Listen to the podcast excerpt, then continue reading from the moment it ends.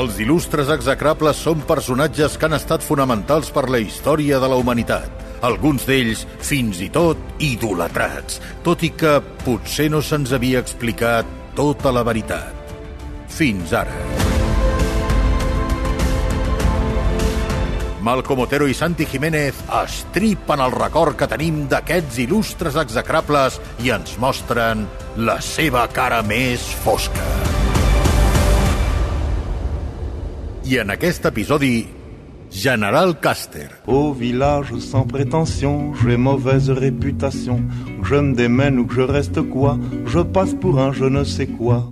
Donem la benvinguda amb tots els honors al Club dels Execrables al tinent coronel George Armstrong Custer, més conegut com General Custer. Ara, ara. Mira, ja arriba, ja arriba. General Caster, què li passa a aquest senyor? Per començar, el general no era general. Hòstia, era ja tinent- comencem malament. Sí, sí. Perdona, perdona, però què vol dir? No, és que només era tinent coronel. És cert que a la guerra dels Estats Units, a la Guerra Civil, Custer va ser ascendit provisionalment de capità a general de brigada dels voluntaris, just abans de la batalla de Gettysburg. Però després es van regularitzar els rangs militars i va quedar només com a capità. Quan va acabar la guerra, Custer va dubtar si dedicar-se a la mineria, però va decidir anar com a Soy, oficial... min soy minero. Soy minero i va decidir anar com a oficial mercenari a combatre al costat de Benito Juárez a Mèxic contra Maximiliano I. Però els nous Estats Units no li van permetre per no ofendre a França i li van prohibir. Gairebé tots els èxits eh, militars de Custer estaven narrats per ell, que va saber guanyar-se el favor de la premsa, que la premsa no era precisament la CNN en aquella època, que estava molt, molt necessitada de narracions heroiques. Per començar, explicarem l'origen del senyor, es va graduar a l'Acadèmia Militar de West Point el 1861 i va quedar l'últim de la seva promoció. El seu expedient de final de carrera tenia més de 700 faltes en només 4 anys. La majoria, això l'honora, per la seva desmesurada afició al whisky. El paio va escriure, mentint, que no provava l'alcohol. No, no, no el provava, és que buidava les ampolles, literalment. Us estranyarà que un desastre de cadet de West Point entrés a l'exèrcit de seguida amb grau de tinent, però tot té una explicació. Tots els cadets, els cadets de West Point eren fills de terratinents del sud i quan va esclatar la Guerra de Secessió van marxar a alistar-se amb els sudistes. L'únic que quedava disponible de la seva promoció per lluitar amb la Unió era aquest paio de Càster. Sí, era, era el que- L'últim que tria era tothom que- per el que jugar a futbol, Era el que quedava. El que Era- quedava. Era el que quedava. La història dels adoradors de Caster ens diu que sempre sortia victoriós de les seves batalles Mm. amb un sistema anomenat Allau Caster, o l'atac massiu per sorpresa. Vol dir, el que havien inventat els, els goril·les a, de 2001. És allò- Atac a muerte. És allò de, vamos todos para allá, venga, a mi el pelotón sabino que los arroyo. Però investigacions posteriors apunten que era Un, o sigui, una estratègia tampoc no, no, no caldria una gran estratègia era, per una era llau. l'estratègia d'Atila i los unos, venga, per arriba i... a, to, a i- tope. Però era la, els apunts militars posteriors apunten que era temerari i inconsistent i que les baixes enemigues sempre estaven inflades per ell i els seus biògrafs de cambra. O sigui, que el tio era com el parxís, matava un i comptava 20. Se servia al seu costat, a més a més, era comprar tots els números de la loteria per acabar sota terra per la temeritat del, del, del general. No li importava gens la vida dels seus soldats. Mira, com a exemple, a la batalla de Gettysburg van morir 257 soldats de la seva unitat, més que qualsevol unitat de qualsevol dels dos bàndols. Sí, la sort per O ell. sigui, que et deien, ¿dónde sirves tu? M'ha tocat Caster, joder. Ui! Pues la voy a palmar. Sí, la sort que tenia Càster i la desgràcia... Però ell sobrevivia, vull dir que... Sí, Ah, clar, que ell està. sobrevivia i no li passava res a les càrregues que dirigia. La seva carrera militar és un compendi de fortuna, inconsistència, insensatesa i agressivitat. I això que era una diana fàcil, influït per llibres de moda militar, sí, sí, existien i existeixen... vol dir de moda militar? De, Sí, sí. compte- de, de, De comptes de vestir? De, Sí, de de Vaya a la guerra, però vaya bien Vaya, vestido. vaya Exacte. cool. Encara no hi havia blog, Què, què, bloggers. Què, es porta aquest any a la guerra? Pues la, la col·lecció primavera-tardor... Es el enemigo que, que, que se pone. ¿Qué se pone? Oh. Bueno, i doncs, ell, amb, aquesta, amb aquest, influït per la moda militar, va modificar el seu uniforme perquè era un presumit. Botes per sobre els genolls, pantalons pitillos verd oliva, jaqueta d'úsar embrodats de plata, camisa camisa de mariner amb estrelles, un mocador vermell al coll i el cabell llarg en plan Maxi López. Una mena de Paco No teníeu cap altre referent de cabell llarg que Maxi la gallina López? Sí. Però és que era bastant semblant. El general Caster? Sí, tenia el Sí, cabell llarg. Però- Michael Feia la Bolton. gallina quan Sí. marcava un... Sí. matava algú, no? Eh, no sé, però era una mena de Paco Clavel a cavall. Oh, per favor. Nois.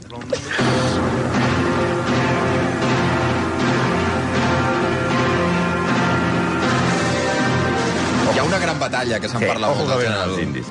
Exacte. Little Big Horn. Sí, com a tots, li arriba el moment de demostrar que estava a l'altura del seu mite i la seva oportunitat, com deia, és la batalla de Little Big Horn, la mítica batalla de Little Big Horn. Allà va cometre els errors de principiant, tots els possibles errors que pot cometre un comandament militar, i va ser una derrota sonadíssima. Va dividir les tropes per emportar-se ell només la glòria i es va endur la gran patacada contra els indis. La batalla està tipificada als manuals d'errades immenses a la guerra. A més de la divisió, de, va dividir les tropes, es va precipitar eh, en l'atac, no va fer ús de les armes adequades i no va seguir els consells dels seus exploradors indis. Tot molt bé. Vamos, no podria guanyar una partida a l'estratego, aquest tio. Sí, però mira, és que no, no hi ha una batalla tan petita que hagi merescut tanta literatura ni cinema. Està absolut, absolutament sobrevalorada. De fet, no va durar ni 20 minuts i el número de baixes és, ni el número de baixes és especial, especialment alt. Van morir 320 soldats de cavalleria i uns 50 indis. I a Gettysburg, per, per comparar, entre ferits i desapareguts hi havia 46.000 baixes. Sí, comparar 46.000 batxes amb una batalla que apenas moren 400. Però la mítica batalla de Big, Horn, és, la mítica, és imbatible. Per aprofundir una miqueta, farem un curset accelerat, atenció a la gent, us Bé. farem un curset accelerat d'idioma lakota, que és l'idioma que parlaven els indis. Els indis. Bé. Si un dia us trobeu a una pradera de Montana i els vostres exploradors Krau, que són els indis, una tribu índia, us diuen Otoe Sioux, foteu al camp, marxeu, perquè, a veure, us explicaré. Els indis, els indis, els indis no compten com nosaltres. Per ells, a la seva llengua, eh, ells compten un, uns quants, molts, moltíssims, la hòstia, un oceà, el firmament, i finalment, quan hi ha molts, diuen Otoe! Per tant, per tant, quan Caster anava tot xulo amb els seus 200 soldadets, els que havia obligat a deixar els sabres i les ametralladores a la rereguarda per anar més ràpid, ja que va dir puc eliminar qualsevol poble indi a la pradera, els exploradors que li havien dit ai, Otoe Siux, gilipolles, li van dir, li van dir, van mirar-se entre ells i van dir fotem el camp, ja tu fotràs un bat, i, de fet, van ser els únics del cos del setè de cavalleria que van sobreviure, els indis perquè sabien què significava la paraula Otoe. Es, només va sobreviure un altre, un altre membre de l'exèrcit, que era un cavall curiosament anomenat Comanche. La importància de parlar llengües, eh? Otoe. Per no se m'oblidarà mai més. A la, a la batalla en qüestió, el seu cos va aparèixer descalç. Oh. Descalç, o sigui, vull dir, ni tan sols allò de que va morir amb les botes posades No. és veritat. O sigui, tot és mentida en aquest tio. Ai, ai, ai. La literatura sobre la seva mort és molt abundant, aquesta és la veritat. Sembla segur que tenia dos trets de bala, un al costat i un altre al cap. Es va suïcidar abans de que els indis practiquessin amb, amb ell l'autòpsia en viu. Per això no li van arrencar la cavallera, només li arrencaven els que mataven. Ah, no, els, els indis només arrencaven... Sí, els que si jo t'he matat, Sí. eh, Sí. tinc el dret de quedar-me Sí, a la teva sí, cavallera. sí, si ja estaves mort, no... Ja passo. No, si t'havia suïcidat no, perquè el consideraven bastant indigne. I, i, I segons altres versions, li van ficar una fletxa pel penis, en plan sonda, Hosti, per favor, tu. i li van obrir Però els després de tímpans... mort, eh? No, ja... No, això és dolorós quan estàs viu, però ja estàs mort. Estàs mort igual. igual. I li van, obrir, i li van obrir els tímpans perquè pogués sentir el més enllà. Per acabar amb Little Big Horn, dues anècdotes que retraten el Hosti, personatge. Otto, eh? Sí. Mira, espera, aquesta és bona també. Molt amant, que us hem explicat que Caster era molt amant de les relacions públiques, Caster convidava els periodistes a anar d'enviats especials als seus batallons per tal que sempre el deixessin com un heroi a la- a l'opinió pública. O sigui, una cosa que segueixen fent els exèrcits de portar eh, periodistes incrustats, que diuen. A Little Big Horn hi anava un enviat especial del Bismarck Tribune anomenat Mark Kellogg, que hi va anar... Sí, es deia Kellogg? Sí, mira, mira. Va acabar, va acabar un més o menys igual, eh? Va acabar, va anar en substitució del seu director. O sigui, imagineu-vos, el director, el Caster li diu, oye, el del Bismarck Telegram, vine cap aquí, que aniràs aquí, que vaig a matar indis, i el director va dir, vale, vaig. I al final el director va dir, hòstia, doncs no em trobo bé, tu. Saps què? Que vagi el Kellogg aquest, que vagi el Kellogg. I el Kellogg va començar a tirar. A la última crònica que se li coneix al Kellogg, que va enviar, va ser el dia abans, la va enviar al diari el dia abans de l'Eden Bihon, va escriure, va escriure el següent. Cometes. Demà, segurament, Caster donarà el seu merescut a aquesta banda d'arrancacavalleres de Sitting Bull. Sitting Bull era el cap dels indis. Acompanyava la crònica amb un telegrama que deia als seus companys de l'acció a veure si veiem indis una vegada, tu. Diu Caster que és probable que demà en veiem algun. Un altre que no va entendre el significat de la paraula otoe. Va acabar sense cavallera i sense una orella. Ai, hi ha un oient que ens envia Esteu fatal, ma mare i jo, a casa rient sense parar Motoe, Otoe. Bo, eh? L'altra anècdota... Uf, això no ho superaré ja, eh? O Em voleu, matar, em voleu matar tots dos, eh? Oh. La- L'altra anècdota explica la Oh. inutilitat d'aquesta matança i aquella guerra contra els indis.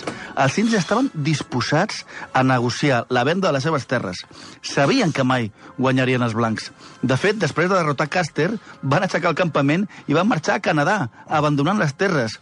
Van lluitar perquè Caster volia arrasar el seu poblat amb dones i nens inclo- inclosos. Per això van anar a la batalla cridant Hoka Hei, un bon dia per a morir. Hokahei. També, avui hem après Hokahei i Otoe. Jo Otoe, t'ho juro que no ho oblido mai més, ja, eh? El que, el que no s'esperaven a- els indis és que un inútil com Caster els fes guanyar una batalla que donaven per perduda. Oh, we can dare and we can do. Per això, de, de men moment m'heu parlat de les seves habilitats en batalla, per entendre. Sí, de, que, eren, que eren poques. Que eren poques. que eren poques. I les seves habilitats lingüístiques, que eren menys. Vale. Anem a les virtuts, a una, un, altre, un altre aspecte de la, seva, de la seva personalitat. Era un home molt contradictori. Per exemple, no dubtava a fusellar desertors i castigava amb ferocitat i crueltat qualsevol desobediència a una ordre seva. Però ell mateix era un hanso que desobeïa sense miraments les ordres que ell mateix rebia. Per exemple, va desertar per anar a veure la seva dona a Kansas i va estar gairebé un any suspès. Pel que ell va fer, si li arriben a fer un subordinat, l'hagués afusellat. Home, Parlant d'esposes, el nostre cavallera el vent era, Maxi segons López, sembla, el Maxi- el Max Maxi López, López. la gallina... era, segons sembla, també bigam. És a dir, pels de l'ESO, quan tens una nòvia i no li dius que tens una altra. Ja. Es va casar el 1864 amb Elizabeth Bacon Caster, coneguda com eh? Libby. Prou ja, eh? Entre el Kellogg i la Bacon, de debò, El eh? tio esmorzava de collons. Prou. I, però s'estava casat amb la Bacon, que, que, que, la, que, que li deien Libby, però es va casar amb Monacita, filla d'un guerrer xaient. Ah, sí, Però vos esteu enfotent. No, No, no, d'inventar-vos els noms. No sé, aquesta sí que no sé com es pronuncia. Bonaceta, o no sé... No. Cheyenne no en parlo. Ui, per favor. I segons sembla, fins i tot va tenir dos fills amb ella. També durant la Guerra de Secessió mantenia relacions sexuals amb la cuinera del regiment i entre les seves aficions, a més de la taxidèrmia, el whisky i la migdiada, estava freqüentant prostitutes. Sí, no acaben aquí les seves contradiccions. Caster es va casar, com hem dit, amb Monaceta, una índia, i va fer un discurs criticant el tracte que se'ls dispensava als nadius americans. I això li va fer guanyar certa fama d'home amic dels indígenes. Doncs no, no, oblideu-vos. Custer era un genocida que matava dones i nens. Com a mostra us explicarem una anècdota. El 1868, el cap indi Olla Negra, hem dit olla. Sí, sí cuidado. Hem Prou, dit eh? olla negra. Prou, eh? Que, que, que, es veu que aquest, aquest indi, de petit, el jefe olla negra, va tenir molts problemes al col·le perquè tothom feia bromes amb el seu nom, vale? Però hem dit olla negra, vale? Olla negra va demanar refugi a Fort Cop. No, no podem seguir així, eh? Per passar, per passar l'hivern. Sou uns animals, de debò, eh? Sou uns animals que és que us hauran de tancar, per favor. Vale, Olla Negra va anar... Uf, no torna-hi. No, va. va anar a Fort Cop a demanar permís perquè era un hivern molt cru i va demanar permís per poder entrar al fort i acampar allà. Res, paper mullat, sang en aquest cas. Quan estaven tranquil·lament les famílies... El, el, el general Cop li va dir que tornessin al riu Guaxita a esperar el desglàs i que els donava permís per acampar. I quan estaven allà Però tranquil·lament... el riu Guaxita... El riu Guaxita- Que no és el nom de la noia aquella. No, era Monacheta. Ah, aquesta. va, perdó, perdó, perdó. Caster, sí, estaven els indis allà tan tranquils perquè no els havien deixat passar l'hivern al fort. Sí. Els diuen, acampi el riu, hòstia. Acampi ja i esperis el desglàs, que no passarà res. Mentida. Va arribar Caster i va entrar amb la cavalleria a sac al poblat. Segons expliquen, el primer morir va ser el vell cap indi, Olla Negra, Sí, sí. que va sortir amb el braç, el braç, en alt per aturar els cavalls, explicant que tenien permís. Oiga, que a mi m'han dit que aquí... No, pam! Una bala al cap i s'ha acabat a Olla Negra. Sí, sí. Aquell dia Caster i els seus homes van matar 100 persones, la majoria dones i nens. Només hi havia al poblat 20 guerrers i en acabar va fer que els seus soldats afusellessin els 875 ponis de la tribu. S'ha de ser molt cabron Per matar ponis. per matar ponis. Hosti. Sí, tu imagina't un tio que mata 875 ponis. Sí, però ni un ni més ni, més, ni menys. No, no. 875 Es va ponis. afusellar. Hosti, tu. Poni, fusílelo. Per favor, per favor, quin paio, tu. Ah, Però no, és que Caster va fer aquest genodici. Sí, està, està començant a superar a Mare Teresa de Calcuta, eh? Sí, sí. Ja t'ho dic ara. Caster va fer aquest genocidi, aquest genocidi amb tota la intenció. A partir de llavors, els indis no se sentarien segurs encara que haguessin arribat a acords. La fama de sanguinari de Caster, de Caster va córrer com la pólvora per totes les terres d'Índies. Índies. Cal recordar que el gran mentor de Caster, que era el general Sheridan, va dir la famosa frase «L'únic indi bo és l'indi mort». Vinga. Caster representa la- la- la- l'aniquilació dels aborígens americans, perquè ara es veu que no se'ls hi pot dir indis, se'ls ha de dir aborígens americans. Eh? Mm. Es calcula que al segle XVII vivien al que ara és als Estats Units un 10, uns 10 milions de persones en diferents nacions. Ara en sobreviuen unes 850.000, un genocidi en tota regla. El que ells anomenen indis van ser tractats sempre com a ciutadans de tercera, a partir d'aleshores, aniquilant la seva cultura. I això els ha portat a tenir greus problemes amb l'alcohol, i no és broma. sí, sí. El 12% dels aborígens nord-americans actualment tenen com a causa de mort l'alcoholisme. En la resta de la societat només és el 4%. Sí, aquest poble mai va entendre els, els blancs, perquè, perquè per exterminar-los van decidir matar matar-los de gana eliminant els bisons, bisons, que eren la seva font de subsistència, clar. Dels 75 milions de bisons que hi havia a l'Amèrica, ara en queden prou amb prou feines 350.000. En els cinc anys que van des de 1870 al 75, l'època del nostre heroi, van assassinar per esport 2,5 milions de bisons en campionats de tir. Imagina't lo fàcil que és tirar un bison, que més és grandíssim. Déu meu. El rècord, per si interessa, el té un tal McCartney, que no sabem si és família de... Voleu parar? O sigui, voleu parar d'inventar-vos noms? no. No es deia Pol de nom, no? no, només, només hem comptat, trobat McCartney. Que, que, va, que va matar nora- 91 en mitja hora. No sabem si li van donar whisky com el 91 Mitrofan. bisons en mitja hora? Sí, 91 mil... Hi havia competicions de matar bisons. També s'ha de dir que els bisons o eren molts o molts gestos no són, O eh? eren Otoe, o- Perquè quan, quan, quan, ve, quan eren Otoe, bisonte, Otoe. Otoe. El, el, el món de Caster mai el van entendre els sioux, el món dels blancs.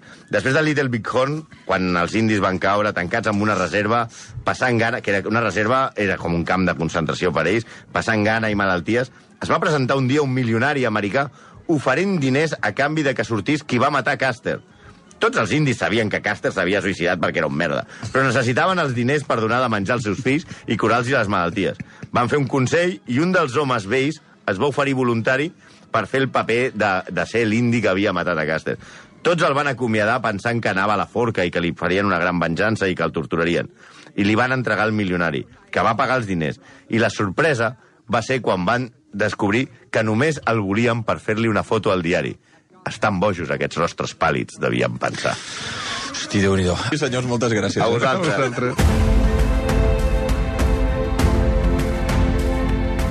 Si vols veure caure més mites, no et perdis la resta de capítols d'il·lustres execrables Gran Reserva a la app de rac i a rac